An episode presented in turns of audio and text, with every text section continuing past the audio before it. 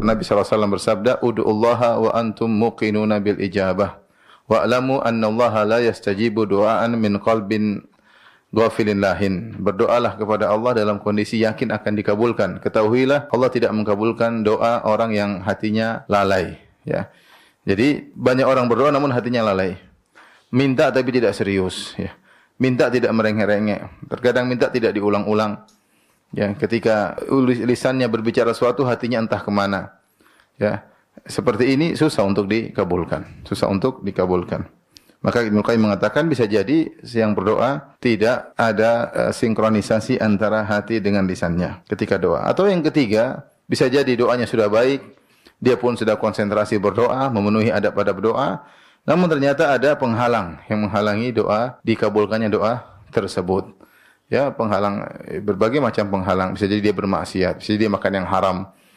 Bisa jadi doa tersebut mungkin tidak pantas untuk dikabulkan baginya. Karena kalau dikabulkan maka akan bawa mudarat kepadanya atau hal-hal yang lain.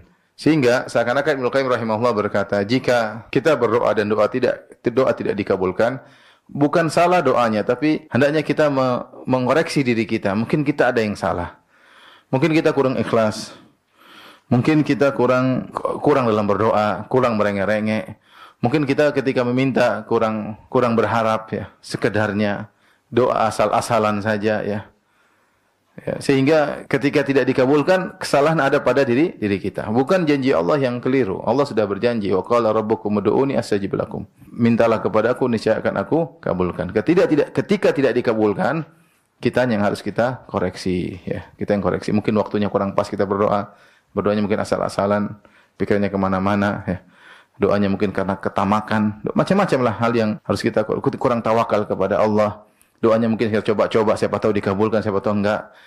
Semua itu menjadikan doa kita tidak dikabulkan. Dari sini juga kita bisa mengambil faedah bahwasanya kondisi dikabulkannya doa tidak selalu dikabulkan. Seorang terakhir dikabulkan, sekarang tidak. Tergantung kepada kondisi kita dalam berdoa. Karena doa kadang kondisi kita kondisi yang paling bagus, terpenuhi secara segala syarat doa, maka dikabulkan. Dalam kondisi lain kita kurang, ya syarat-syarat tersebut tidak kita penuhi. Sehingga seorang dan kita alami dalam kehidupan kita. Terkadang doa kita langsung dikabulkan, terkadang tertunda, terkadang tidak dikabulkan. Tidak tidak dikabulkan sesuai dengan yang kita inginkan ya. Itu semua kembali pada kondisi kita yang berubah-ubah. Tidak ada salah dalam doanya. Allah yang diminta adalah maha murah, maha baik, uh, tidak tidak ada susahnya bagi Allah untuk mengabulkan permintaan kita.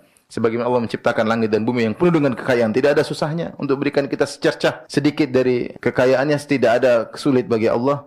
Berarti yang salah adalah kita. Atau tadi mungkin doanya tidak pas buat kita kalau dikabulkan akan bawa mudarat kepada kepada kita. Jadi maksud terkadang kita minta sesuatu yang menurut kita baik tapi menurut Allah Allah tahu itu tidak baik buat kita. Maka senantiasa kita husnudzan kepada Allah. Tapi intinya yang ingin saya sampaikan di sini bahwasanya jika doa kita tidak terkabulkan setelah kita berdoa dan berdoa berdoa berarti ada sesuatu yang perlu kita perbaiki. Mungkin masih ada yang haram yang kita makan.